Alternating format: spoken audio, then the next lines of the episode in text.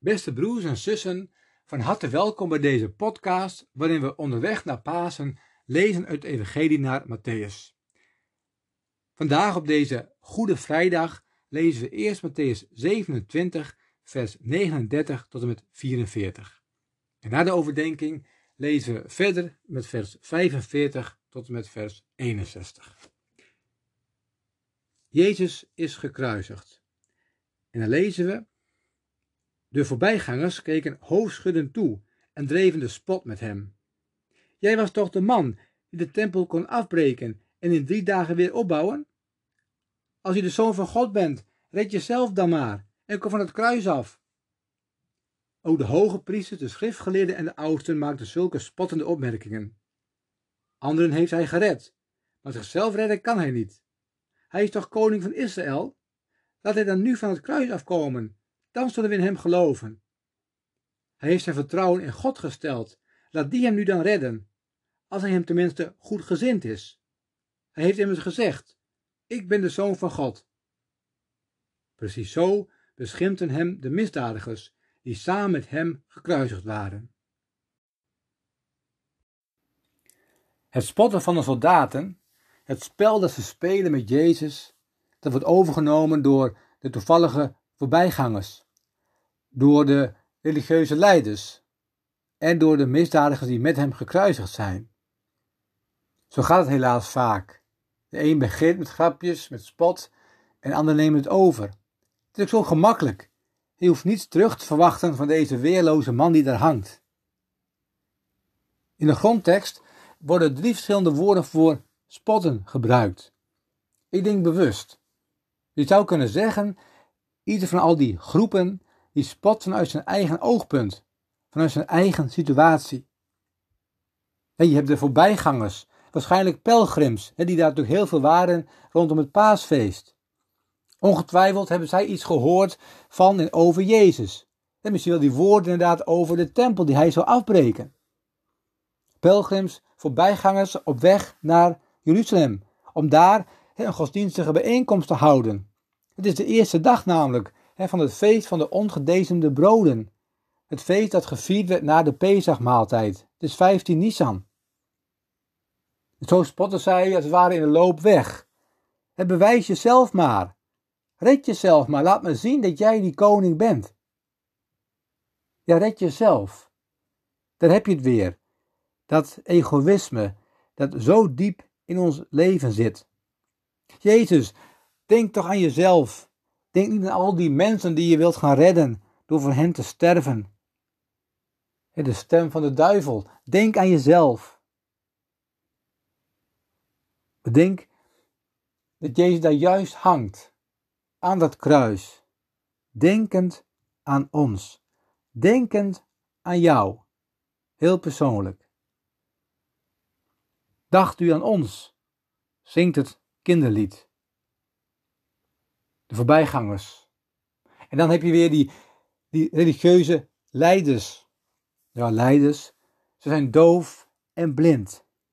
En ook zij spotten daar bij het kruis. Zij spelen hun spel met Jezus, dat er letterlijk. Ja, ik zeg wel daar bij dat kruis, maar de vraag is, waren ze daar wel aanwezig? Het was een feestdag. Ook zij moesten natuurlijk zijn daar bij die godsdienstige samenkomst. Zij hadden wat anders te doen op die dag. En om daar te zijn, daar op Golgotha, maakten ze zichzelf onrein. En konden ze dus niet meedoen met de feestelijkheden. Maar ja, aan de andere kant, nood breekt wet. Zodat ook voor deze mannen hebben gegolden. In ieder geval moest er één van hen zijn, daar bij Golgotha. Want Jezus kon zich immers herroepen. En dan, dan zou er een priester moeten zijn die hem aan God kon opdragen. Niet dat ze dat verwachten, maar toch. En ze hebben ook heel duidelijk gezien, Jezus inderdaad kan zichzelf niet redden. Dat was hem wel duidelijk geworden. Maar stel nou dat Jezus wel de waarheid spreekt, dat God wel een welbehagen in hem heeft en dat God hem zal redden. Bij de omstanders, bij de voorbijgangers moet Jezus zichzelf bewijzen. Hier zeggen ze eigenlijk: God moet het bewijs leveren dat jij inderdaad de koning der Joden bent. Ach, nou die spot blijkt al, natuurlijk al meteen. Deze mensen geloven er geen bied van dat Jezus de koning is. Maar goed, ze moeten er hams, amshalve wel zijn. Totaal niet vanuit hun hart. Moeten ze er zijn. Moeten ze ook deze woorden zeggen.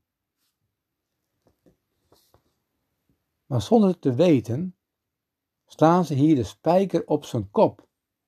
Inderdaad, Jezus kan zich niet redden. Want dan zou hij zijn eigen roeping verloochenen. Hij kan het niet en hij wil het niet. De spijker op zijn kop.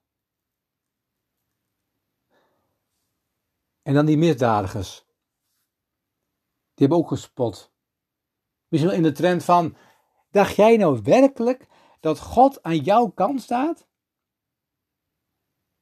Straks zal God inderdaad niet aan Jezus kant staan. Dan zal zijn eigen zoon de rug toekeren. En juist zo staat hij aan onze kant. Laten we ook Paulus dat schrijven. Wat moeten wij hier verder over zeggen? Als God voor ons is, wie kan dan tegen ons zijn? God staat aan onze kant.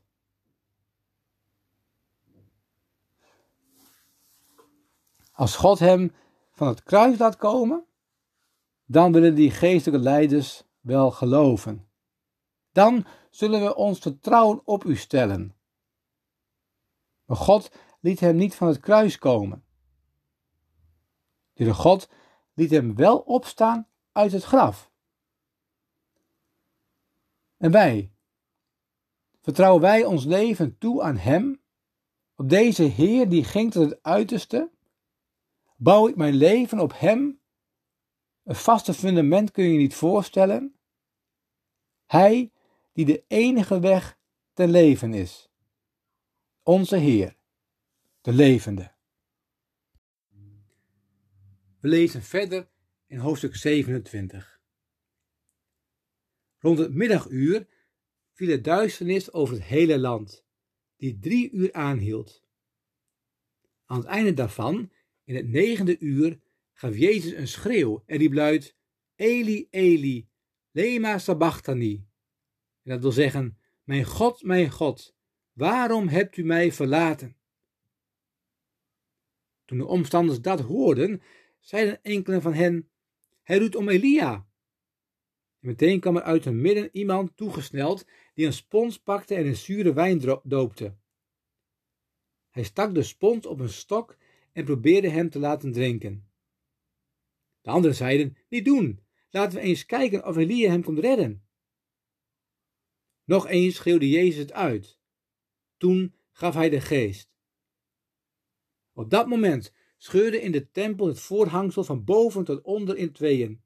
En de aarde beefde en de rotsen spleten. De graven werden geopend en de lichamen van veel gestorven heiligen werden tot leven gewekt. Na Jezus' opstanding kwamen ze uit de graven, gingen de heilige stad binnen en maakten zich bekend aan een groot aantal mensen. Toen de centurio en degenen die met hem Jezus bewaakten de aardbeving voelden en merkten wat er gebeurde, werden ze door een hevige angst overvallen en zeiden: Hij was werkelijk Gods zoon.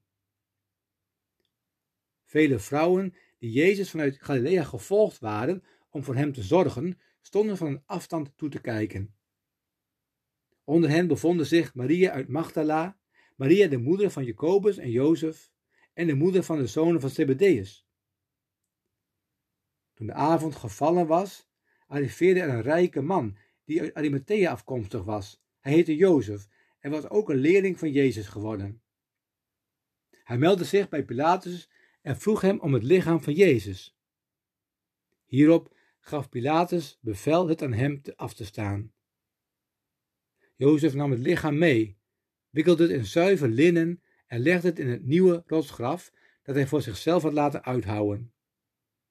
Toen rolde hij een grote steen voor de ingang van het graf en vertrok. Maria Magdala en de andere Maria bleven achter. Ze waren tegenover het graf gaan zitten. Laten we samen bidden. Jezus, leven van ons leven. Jezus, dood van onze dood. Gij hebt u voor ons gegeven, gij neemt op uw angst en nood.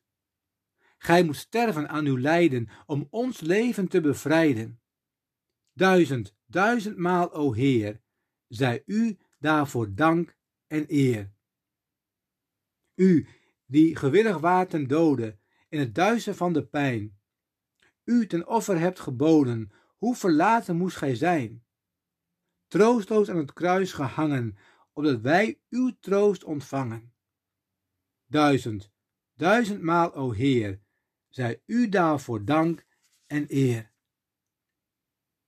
U koning, tot een spot getekend, met een riet en doornenkroon, bij de moordenaars gerekend, oversteld met smaad en hoon, opdat naar uw welbehagen wij de kroon der ere dragen. Duizend, duizendmaal, o Heer, zij u daarvoor dank en eer. Dank zij u, o Heer des levens, die de dood zijt doorgegaan, die u zelf ons hebt gegeven, ons in alles bijgestaan. Dank voor wat gij hebt geleden. In uw kruis is onze vrede. Voor uw angst en diepe pijn wil ik eeuwig dankbaar zijn. Amen.